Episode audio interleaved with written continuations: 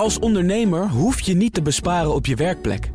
Want IKEA voor Business Netwerk biedt korting op verschillende IKEA-producten. Word gratis lid en laat je werkplek voor je werken. IKEA, een wereld aan ideeën. Het leek er in december even niet op, maar het beursklimaat is ondertussen weer alleraardigst. Vooral vanuit de technologiehoek is daarom een run op Wall Street ontstaan. Wanneer je je aandelen naar de beurs brengt, bespreken we in het boardroom panel met erin deze week Fieke van der Lek, commissaris bij Triodos Bank, Arriva Nederland en Achmea Vastgoed. Daarnaast hoogleraar pensioenmarkten aan de Vrije Universiteit.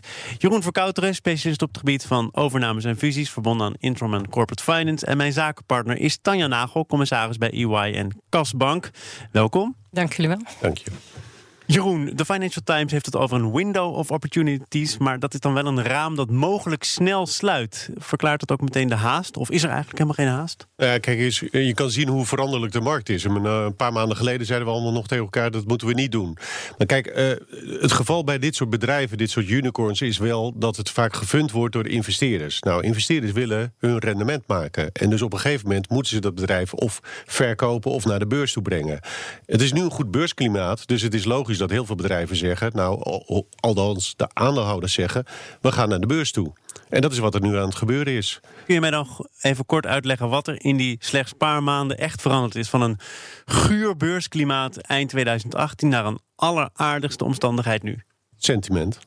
Eén woord. Oké, maar dan spreek ik jou morgen, dan kan het ook weer anders liggen. Ja, nee, dat klopt ook. Maar dat, is ook door centrale bankbeleid, meer liquiditeit in de markt? Dat denk ik niet. Nee, ik denk echt dat het puur met sentiment te maken heeft. En de reden waarom deze aandeelhouders, investeerders, nu besluiten om naar de beurs toe te gaan, is omdat het inderdaad een, een mooi beursklimaat is. In tegenstelling tot een aantal maanden geleden. En dan kiezen ze heel opportunistisch, zeggen ze gewoon: oké, we gaan nu cashen. Ja, en dat bepaalt dus ook meteen dat, dat die window of opportunities weer gaat sluiten. Want er staan dus allemaal particuliere kopers tegenover... die daarna teleurgesteld raken omdat er nog maar één weg is. Dat is naar beneden. Ja, dus jij deelt uh, in ieder geval de analyse van de Financial Times. De window of opportunities is niet uh, iets wat altijd maar blijft voortduren. Je moet nu een beetje tempo gaan maken. Nee, nee, maar het is meer wat Jeroen zegt. Het is een logisch gevolg van het feit dat er dus allemaal aandeelhouders graag uh, aandelen naar de beurs brengen. Ja. Fieke, jij stelde net een vraag, maar volgens mij was het ook een opvatting. Ja, ik, ik vind een beursklimaat altijd lastig te duiden. Of het zijn sentimenten, of je kan er een verklaring voor geven. En dan ben ik toch altijd benieuwd of er nog economische fundamentals onder zitten. Vandaar dat ik even dacht aan het uh, uh, centrale bankbeleid, wat toch weer iets lijkt te verruimen. Ja, zeker. En dan is het natuurlijk altijd makkelijker om aan geld te komen. Ja, dat zie je in Amerika. Tegen lage rente, ja. Maar dat is op dit moment dus niet cruciaal. Nou, die lage rente was natuurlijk een aantal maanden geleden ook het geval. Dus dat is niet zozeer het verschil. Ja, Ik denk... was nog het perspectief dat het zou eindigen. Ja, nee, oké, dat klopt wel. Dat klopt wel. Ja, onder andere de Fed heeft natuurlijk een behoorlijke draai gemaakt... of in ieder geval een andere strategie uitgestippeld. Nou ja, ze hebben voor de langere termijn nu aangegeven van... we gaan niks doen. Dus dat, in die zin... Maar eind vorig jaar was het nog van we gaan wel wat doen. Ja, nee, dat klopt ook. Dat klopt ook. Maar de vraag is, uh, is de fundamentele economie... dan de afgelopen maanden zo erg veranderd... Ja, dat geloof ik dus niet. Uh, ondanks het feit dat de Fed de uh, uitspraak doet, verwacht ik, ja, denk ik niet dat dat echt gebeurd is. En als je nu kijkt naar over welke bedrijven het gaat, dan gaat het over Slack. Uber wordt natuurlijk al heel lang genoemd. Ja. Lyft, de concurrent van Uber. Pinterest is volgens mij een paar dagen geleden naar buiten gekomen dat die dat allemaal overwegen. Allemaal technologiebedrijven. Ja, en allemaal met, uh, door venture capital uh, gesponsord, om het maar zo te zeggen. Nou, op naar de nieuwe dotcom-bubbel, hè? Ja. ja. lang niet allemaal winstgevend, hè? Dus, uh... Nee, dat nou, ook dat niet. is een uitzondering ja. bijna, toch? Als je echt cijfers kunt laten zien die je duiden op winst. Is dat, is dat iets waar je je zorgen over moet maken? Want die bubbel, dat wordt er dan makkelijk gezegd. Maar het zou natuurlijk zo kunnen zijn. Nou ja, kijk, persoonlijk vind ik dat koers-winstverhoudingen van 100 of 200... Uh, ja, dat is natuurlijk een beetje een wassen neus. Want het betekent gewoon heel simpelweg dat je een rendement van 1, 2 procent hebt... op je geïnvesteerd vermogen.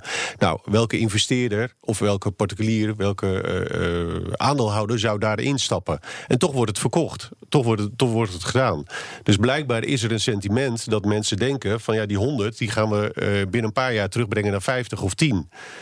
Ik heb daar een hard hoofd in. Om het weer over sentimenten hebben. Ja, nee, klopt. Maar, maar, dat is het ook. Dat is het ook. Maar ja, dan ben ik toch benieuwd. Als dit soort aandelen dan ook weer in mandjes zitten die mensen kopen. Ja. Uh, dan worden ze min of meer gedwongen om mee te doen aan die bubbel. Terwijl ze dat misschien eigenlijk niet zouden willen. Dus ik, ik vind toch wel, uh, uh, ja, in die zin wel weer een risico. wat we eigenlijk uit 2002, 2003 kennen. Ja, dat klopt. Het is ook een risico. Kijk, dat, het, het, op het moment dat je dat, dat soort koers-winstverhoudingen gaat hanteren, dan weten we gewoon met z'n allen, ja, dat gaat toch dat, gaat niet worden.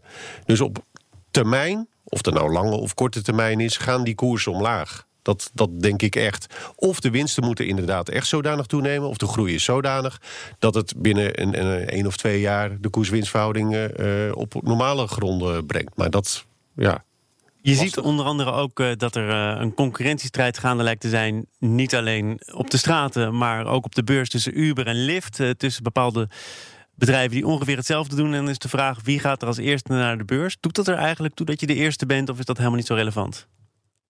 Nou ja, dat denk ik absoluut wel. Ik denk wel. Uh, Lyft dat... gaat het nu winnen van Uber? Ja, nou ja, ik, ik denk bij techbedrijven is wel winner takes it all. Dat geloof ik echt. Ik geloof echt dat, dat uh, als jij een leading uh, bedrijf bent in jouw uh, marktsegment of in jouw branche, dat je dan gaat redden. maar dat is Uber toch op dit moment? Is de winner per se degene die als eerste. Nee, dat zeg, dat, dat zeg ik niet als eerste, maar ik zeg wel. Je hebt binnen, binnen een branche heb je één of twee winners. Nou, degene die dan zeg maar versneld kan, kan opereren. Op het moment dat je naar de beurs toe gaat, haal je geld op. Dat geld kan je investeren, kun je weer mee groeien.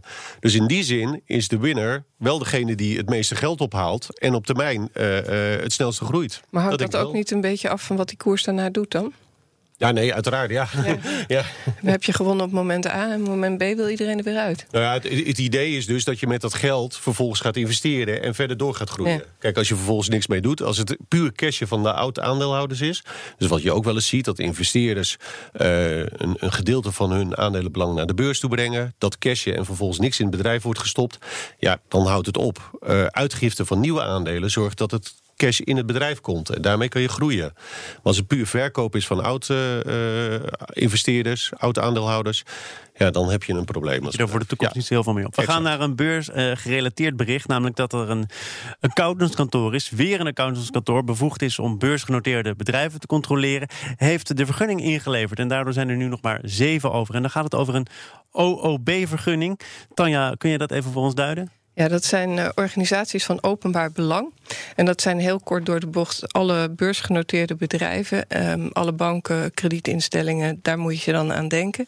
Het worden er meer ook overigens? Ja, en dat betekent ook dat er uh, um, uh, een accountant nodig is met een bijzondere vergunning om de controle bij die bedrijven uit te mogen voeren. Waarvan er nu dus weer een kantoor is geweest dat heeft gezegd: we hadden die vergunning, we leveren hem in. Ja. Waarom zou je dat doen? Omdat je aan uh, um, uh, expertise extra um, uh, in huis moet hebben om aan zo'n controle te moeten voldoen. Het kost veel tijd, het kost veel geld. Um, en er zijn accountantskantoren die mede in het licht van wat de accountantskantoren überhaupt allemaal moeten doen in deze periode, ervoor kiezen om zich te focussen op een bepaalde doelgroep waar deze er dan buiten valt. Fieke, dan is de conclusie: het aantal kantoren dat die controles kan uitvoeren, wordt minder. Het aantal bedrijven, instanties, organisaties dat zo'n vergunning, zo'n status krijgt, zo'n OOB-status krijgt, wordt groter. Daar gaat ergens een keer eh, een schoen wringen, of niet? Uh, dat doet het al een tijdje. Uh, ik heb met een van mijn studenten daar ook een keer uh, wat sommetjes over gemaakt. En je ziet dat met name de financiële partijen die niet eens op die zeven zijn aangewezen, maar op vier, de Big Four, uh, langzamerhand heel weinig te kiezen hebben. Omdat als je er vier hebt waarvan je al bij eentje zit, maar je moet daar na een verloop van tijd weg. De ander heb je al voor adviesdiensten ingehuurd. Dan heb je nog twee waar je uit kan kiezen. En die twee weten dat donders goed. Nou ja, en dan ga je er nog vanuit dat alle vier bereid zijn om zo'n cliënt aan te nemen. Ja, wat natuurlijk ook nog maar de vraag is. Want ja. je hebt vaak de situatie dat je de adviespraktijk uh, al bij een cliënt in huis hebt. En dan moet je dus de afweging maken: gaan we die dan nu afstoten omdat we dan nu de assurance-relatie kunnen krijgen? Of, of maken we een andere afweging? Ja. Dus wordt een hele smalle markt. Er is steeds minder te kiezen. Hoe kun je die markt een beetje openbreken? Ik kwam onder andere het voorstel tegen om weer meer dingen samen te gaan doen. Dus kleine kantoren en grote kantoren een beetje te koppelen. Joint audit. Zou dat ervoor kunnen zorgen dat toch weer meer kantoren zeggen: we blijven in deze markt actief? Nou ja, misschien zou dat wel een oplossing kunnen zijn. De vraag is natuurlijk alleen: je leest ook in de stukken dat die grote kantoren het kunnen blijven doen vanwege diepe zakken. Um, en de vraag is natuurlijk: zijn die diepe zakken dan ook zodanig dat het logisch is dat kleine kantoren daar dan ook mede bij aansluiten? Dat heeft meer met de invulling te maken dan dat joint uh, account niet zou werken. Maar dan moet je ook wel heel goed weten van elkaar um, waar je op kan vertrouwen. Ik zou het ingewikkeld vinden. Ja, wat er ook bij komt kijken is dat er hele specialistische kennis nodig, voor nodig is. Zeker als het gaat om financiële partijen. Die regelgeving is super ingewikkeld. Dus als je überhaupt offerte wil uitbrengen, moet je een team klaar hebben staan. wat dan eventueel die opdracht kan gaan uitvoeren. En wat je nu al ziet, ook bij die grote kantoren is dat ze collega's uit buitenlanden moeten halen om eventueel zo'n opdracht uit te voeren. En dat is dus een heel ingewikkeld soort schaakspel om steeds met voldoende geëquipeerde teams qua kennis uh, voor de dag te komen. Maar heeft dit ook niet veel meer met aansprakelijkheid te maken? Waar vroeger uh, in Nederland of in Europa de aansprakelijkheid toch ver werd geworpen van de accountant, komt dat toch steeds dichterbij. En dat daarom heel veel accountskantoren zeggen: Nou, ik kan me wellicht voldoen aan die regelgeving, maar ik ben bang voor die aansprakelijkheid. Dus ik neem afstand. Nou, dat kan zeker ook een rol spelen. En, en terecht ook wel, hè, want er zijn ook vaak grote boetebedragen mee gemoeid. Overigens hoorde ik vanmorgen dat op de Duitse markt KKR uh, accountantskantoren aan het overnemen is. Ook kantoren die uh, OOB's of whoever, hoe dat dan ook mag heten in Duitsland uh, daarbij hebben. De vraag is natuurlijk, is dat disruptie? Hoe gaat dat eruit zien? Wat vinden toezichthouders daarvan? Het is wel een boeiende ontwikkeling. Ja. Maar als we nu kijken naar wat we de afgelopen minuten hebben besproken, dan hebben we dat probleem geschetst. Het is eigenlijk alleen maar groter geworden. Is er nog iets wat kan uh, duiden of kan lijken op een oplossing? Nou, je zou kunnen nadenken of de, het onderscheid OOB, niet OOB, misschien te zwart-wit is. En dat je meer gradaties kan aanbrengen. Dus OOB's krijgen nu als het ware de platina-controle. En misschien kan je ook brons, zilver, goud optuigen... waar de kleine kantoren dan aan mee kunnen doen... voor bedrijven die misschien niet helemaal de platina-behandeling neem je genoegen met een uh, bronzen controle? Als je een, een klein bedrijf bent wat net op een of andere manier OOB is... Uh, en, en, dat je denkt, het, het is eigenlijk toch heel anders dan een internationaal bankair concern of zo. Nou, dan zou het best kunnen dat. Uiteindelijk gaat het erom: heeft de aandeelhouder voldoende informatie dat hij zijn beleggingsbeslissingen goed kan nemen op basis van dat jaarverslag dat gecontroleerd is? Ja. Nou, dat kan best ook met een iets mindere controle in sommige gevallen misschien toereikend zijn. Nou, ik vraag het even aan, aan Tanja. Laat ik daar eens mee beginnen. Commissaris bij EY, zo'n uh, ceremonie, platina, zilver, brons. Nou, ik, naar aanleiding van wat Fieke zegt, moest ik denken... Uh, toen ik verantwoordelijk was bij Theodor Gilles... moesten wij aan dezelfde regels voldoen als ING-bank. Voilà. Ja. Is op zich niet helemaal logisch. Ja. Dus ik kan me er wel wat bij voorstellen. Ja. Nou, ik zou willen zeggen, alle beleidsmakers, uh, ik hoop dat jullie geluisterd hebben. En Jeroen, misschien kan je er nog overheen met een andere oplossing? Nou nee, ik, ik vond het wel een hele goede oplossing. ja, absoluut. Unanieme instemming. Samenspraak pensioenen, pensioenfondsen. Laten we, om het te illustreren, het pensioenfonds detailhandel er eens bij pakken. Een kwart van het vermogen, dat uh, komt neer op ongeveer 5,8 miljard, wordt in duurzame bedrijven gestoken. En ze zijn zeker niet het enige pensioenfonds dat steeds meer en steeds vaker zo'n stap zet. Fieke, ik vraag het aan jou, want uh, jij zit in die branche. Is dit een trend? Ja, absoluut. Uh, afgelopen december hebben minstens 70 pensioenfondsen het convenant internationaal maatschappelijk verantwoord beleggen ondertekend. Wat uh, door de SER gefaciliteerd is. En ze hebben vastgelegd dat ze zich gaan houden aan de UN, United Nations Guiding Principles on Business and Human Rights. Dus het is ook niet alleen duurzaam, maar het gaat ook over mensenrechten. En onder die 70 bevindt zich ook pensioenfonds Detailhandel, die dus gewoon doet wat ze hebben afgesproken. En dus wat mag er dan uh, wel en wat mag er niet meer als je nou aan ja, die principes houdt? Wat, uh, wat ze met elkaar doen, en dat, dat klinkt een beetje simpel, maar is echt wel lastig, is uitvinden van hoe bepaal je dat nou? Hoe meet je nou wat, wat je duurzaam doet? Wat is nou duurzaam? Wanneer is iets niet duurzaam? Neem je dan de minst slechte in bepaalde categorieën of sluit je ook hele categorieën uit? Kortom, er komt nodig bij kijken. Ze mogen daarin samenwerken. Dat is natuurlijk erg fijn, want er moet heel veel kennis ontwikkeld worden, met name voor kleinere fondsen. De grotere waren al iets langer bezig. En vervolgens kunnen ze kiezen van wat gaan we doen met de tabak, wat gaan we doen met wapens. Nou, wapens is ook heel lastig, want heel veel fabrieken hebben een afdeling wapens, maar voor de rest doen ze iets anders. Dus wat, wanneer is iets dan een wapenfabriek en zo. Dus je zit met allerlei afwegingen en je moet uitvragen wat je deelnemers ervan vinden. En dat is ook best lastig. En, en moet je dat vragen omdat als je bepaalde principiële keuzes maakt, het rendement misschien afneemt en dus ook deelnemers daar iets van gaan merken? Dat kan zijn, maar het is zeker niet per se het geval. We krijgen steeds meer onderzoek beschikbaar waaruit blijkt dat het prima samengaat. Rendement en duurzaamheid. Maar, eh, als het uh, niet per se uh, van invloed is op het rendement, waarom zou je dat dan toch aan je deelnemers moeten vragen? Want ik denk dat heel veel deelnemers niet precies weten waar hun pensioenfonds wel of niet in belegt? Nou ja, de, de, je zou denken dan wil iedereen wel duurzaam, maar zo simpel ligt dat dan toch niet. Een klassiek voorbeeld is uh, pensioenfonds ABP, wat ook voor defensiepersoneel belegt. En die dan voorlegde, zullen we dan maar stoppen met de wapenindustrie? En het defensiepersoneel zei, hoezo? Dat is ons werkmateriaal. Dus um, dat, dat wordt soms toch anders beleefd. Ja. Um, dus je moet toch weer per pensioenfonds kijken, wat wil deze achterban dan wel en niet? Oké, maar zijn er dan toch nog, als je echt uh, VN-principes uh, erbij pakt, categorieën die je categorisch kunt uitsluiten? Ja, die zijn sinds 2007 al verboden. Dat, uh, dat waren bijvoorbeeld clusterbommen, die zijn toen al verboden. En eigenlijk is sinds 2007 ook de discussie in pensioenfondsenlanden opgekomen van wat willen we nou eigenlijk met de duurzaam beleggen? Want we kunnen niet meer alleen blind voor het rendement gaan. Ja, maar dan kan je bijvoorbeeld een hele vliegtuigindustrie ook uitsluiten. Want bijna elke vliegtuigbouwer heeft een afdeling wapens. Dus dan zou je per definitie zeggen: de hele vliegtuigindustrie ga ik niet meer in investeren. Ja, ik heb wel eens iemand horen zeggen dat de grootste wapenfabrikant uh, Douglas is, die de ja. vliegtuigen doet. Ja, Boeing ook. Ja. Boeing ook. Ja, en je zegt dat het voor het rendement niet zoveel hoeft uit te maken, maar dat moet je naar de toekomst toe dan natuurlijk ook uh, rendementen uit het verleden moet je dan gaan opbouwen. Hè? Want van een heleboel weten we dat natuurlijk nog niet. En ik weet wel dat een heleboel van die beleggers bij die pensioenfondsen altijd zeggen: ja, weet je, we hebben toch de druk van die gemiddeld 800 euro in de maand, die een gemiddelde gepensioneerde toch wel steeds wil blijven ontvangen. Ja, dat, dat is zeker waar. En toch, als je het aan gepensioneerden vraagt, vinden ze het ook belangrijk dat hun kleinkinderen in een gezonde wereld kunnen mm. leven. Ja, en daar hebben ze soms best wel iets voor over. Nou, hoe dus ligt dat sentiment? Want inderdaad, ja, ik dat denk verschilt dat dan weer per groep. En daarom is het goed dat pensioenfondsbesturen in gesprek gaan met hun deelnemers. Ja, er zijn overigens ook pensioenfondsen. Ik kwam uh, een toelichting tegen van ABP en dat wordt vaker gezegd. Nee, wij blijven juist wel zitten in bepaalde branches of bedrijven om ervoor te zorgen dat we met die bedrijven of branches die moeten veranderen in gesprek blijven. Ja, tot op zekere hoogte. We hebben ook bij ABP gezien dat als het gesprek niks oplevert, dat ze heus wel uitstappen.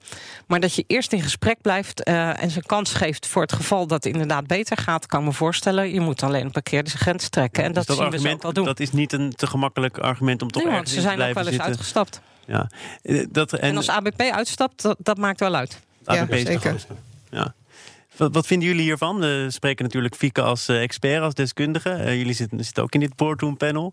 Ah, ik, ik, geloof, ik geloof heilig in uh, duurzaam ondernemen. Dus ik geloof ook dat pensioenfondsen daar een bepaalde rol in hebben om daarin te investeren. Ook een stukje aanjagen van, van investeringen en ontwikkelingen binnen bedrijven op dat gebied. Ik denk aan de andere kant, het is heel moeilijk voor een pensioenfonds om te bepalen uh, wanneer ben je nou een duurzaam ondernemer? Uh, ja, het is heel makkelijk om te zeggen: ja, we zitten in zonne-energie, ik ben duurzaam ondernemer. Maar een, een kledingfabrikant die ook fabrieken heeft staan in India, uh, ja, gaan we dan kijken daar? Wat gaan we daarmee doen? Dat is al een heel lastig Gelukkig hebben we daar ook een convenant voor inmiddels. Oh, kijk, dat is mooi. Dus uh, die website. convenant. Ja, ja. ja IMVO-convenanten, daar kan je inmiddels uh, heel veel convenanten vinden. Dus uh, elke keer is er weer ja. een sector mee bezig. Ook verzekeraars hebben een convenant, banken hebben een convenant. Dus er komt ook steeds meer informatie beschikbaar. Want een van de toegevoegde waardes van zo'n convenant is dat de informatie beschikbaar komt. Maar dat zou je ook aan je leden kunnen melden natuurlijk. Van kijk eens, we hebben allemaal convenanten getekend. Ja, uh, dat, uh, dat zie ik de pensioenfondsen ook doen. Ja, ik, ze zijn er terecht trots op. Ik vind dat de pensioenfondsen ook een hele belangrijke voortrekkersrol hebben... om te zorgen dat individuele beleggers, uh, ZZP'ers... die misschien niet via een pensioenfonds beleggen... dan ook zien wat er mogelijk is... en ook meer mogelijkheden krijgen omdat pensioenfondsen erin investeren. Ja, en vergis je niet, het zijn een van de grootste beleggers ter wereld, pensioenfondsen. Absoluut. Dus in die zin hebben ze daar best wel wat macht. Ja. Ja. Ze kunnen verschil maken en gelukkig willen ze dat steeds vaker ook doen. Ze hebben meer macht dan het uh, Britse lagerhuis. Bruggetje. Maar goed, uh, via een serie stemmingen is onderzocht of er ergens een meerderheid is voor een plan B. En dan gaat het over de Brexit uiteraard. Uh, maar die meerderheid die was er niet. Um, ik wil met jullie niet per se een heel politieke discussie gaan voeren. Maar toch eventjes de strategie van May. Die samen te vatten is in de woorden back me, then sack me. Hè. Ze heeft nu gezegd, ik wil mijn positie wel ter beschikking stellen. Maar dan wel als ik steun krijg voor de deal. Nou, dat leidt tot nu toe niet echt ergens toe. Maar is het iets wat je in het bedrijf bedrijfsleven ook wel eens tegenkomt? Ja, dat denk ik zeker wel. Er zijn wel CEO's die zeggen: ja, luister eens, dit is de koers. En als jij uh, geen zin hebt om deze koers te varen, dan, uh, dan geef ik mijn positie op. Dus in die zin is dat een, een ja, uh, niet een vaak gebruikt machtsmiddel, maar het wordt wel eens gebruikt. En het is, het is een ultiem machtsmiddel. Ja, maar dit, dit, is wel een andere. Je moet eerst voor mij stemmen en dan ga ik. Dat is ja, wat, nou ja, wat nou, zegt. Nou is hetzelfde als de CEO zou zeggen... we gaan dit plan uitvoeren. En dan ga ik. En dan ga ik. Nou, maar goed, ik, ik wil dat dit plan wordt uitgevoerd... anders vertrek ik wat dan hmm. ook. Dus het is in die zin... Uh, je kunt het maar één keer zeggen. Hè, ja, het is een machtsmiddel. Je kan het maar één keer... Het is de ultieme machtsmiddel. Gewoon te gebruiken. Of chantagemiddel. Hoe het, afhankelijk hoe je het wil bekijken. Maar we zeggen altijd in ondernemingsland: de tent is belangrijker dan de vent. En dat laat mee wel zien. Ze vindt haar zaak belangrijker dan haar eigen loopbaan. Daar valt, dat vind ik wel te prijzen. Nou, dat is dan wel voor het eerst in haar carrière. Want zij was natuurlijk eigenlijk helemaal geen uh, Brexiteer. Eh, Zij nee, is maar een ze, ze heeft- Remainer die, eh, om- omdat ze niet een Ze heel heeft zich voor de klus geprofileerd... geworpen. Ze heeft hem met verven uitgevoerd. Je kan er voor of tegen zijn, maar ze heeft wel gedaan wat ze beloofd heeft. En uiteindelijk heeft ze dat nog belangrijker gemaakt dan haar eigen loopbaan. Nou, je kan haar in die zin geen eh, gebrek aan Ik vind toewijding het verwijten. ongelooflijk hoor, wat zij doet. Ik had, was er al lang mee gestopt. Ik denk iedereen ongeveer. Nou ja, het mooiste vond ik, eh, op een gegeven moment was ze ook haar stem kwijt. Hè, en dan gaat ze daar Ja. toch weer staan in dat parlement. Ja, En vind ik het- echt wel stoer. Zeker, het is ook heel stoer. Eh, aan de andere kant eh, komt er ook een moment dat je moet kijken... ben ik degene die nog iets Ja, blokkeert? nou, zelfs dat heeft ze op tijd gedaan. Dus, eh, en dat verwoordt ze dan elke keer weer keurig. Dus eh, Ik denk, niet, ik denk niet dat zij de blokkade is. Ik denk, als persoon in ieder geval. Kijk, het, het hele Engeland heeft zich in een soort positie voor, eh, gemanoeuvreerd... waar ze eigenlijk bijna niet uit kunnen komen. En dat is gewoon dat is Engeland als land. En dat heeft niet zozeer met haar alleen te maken.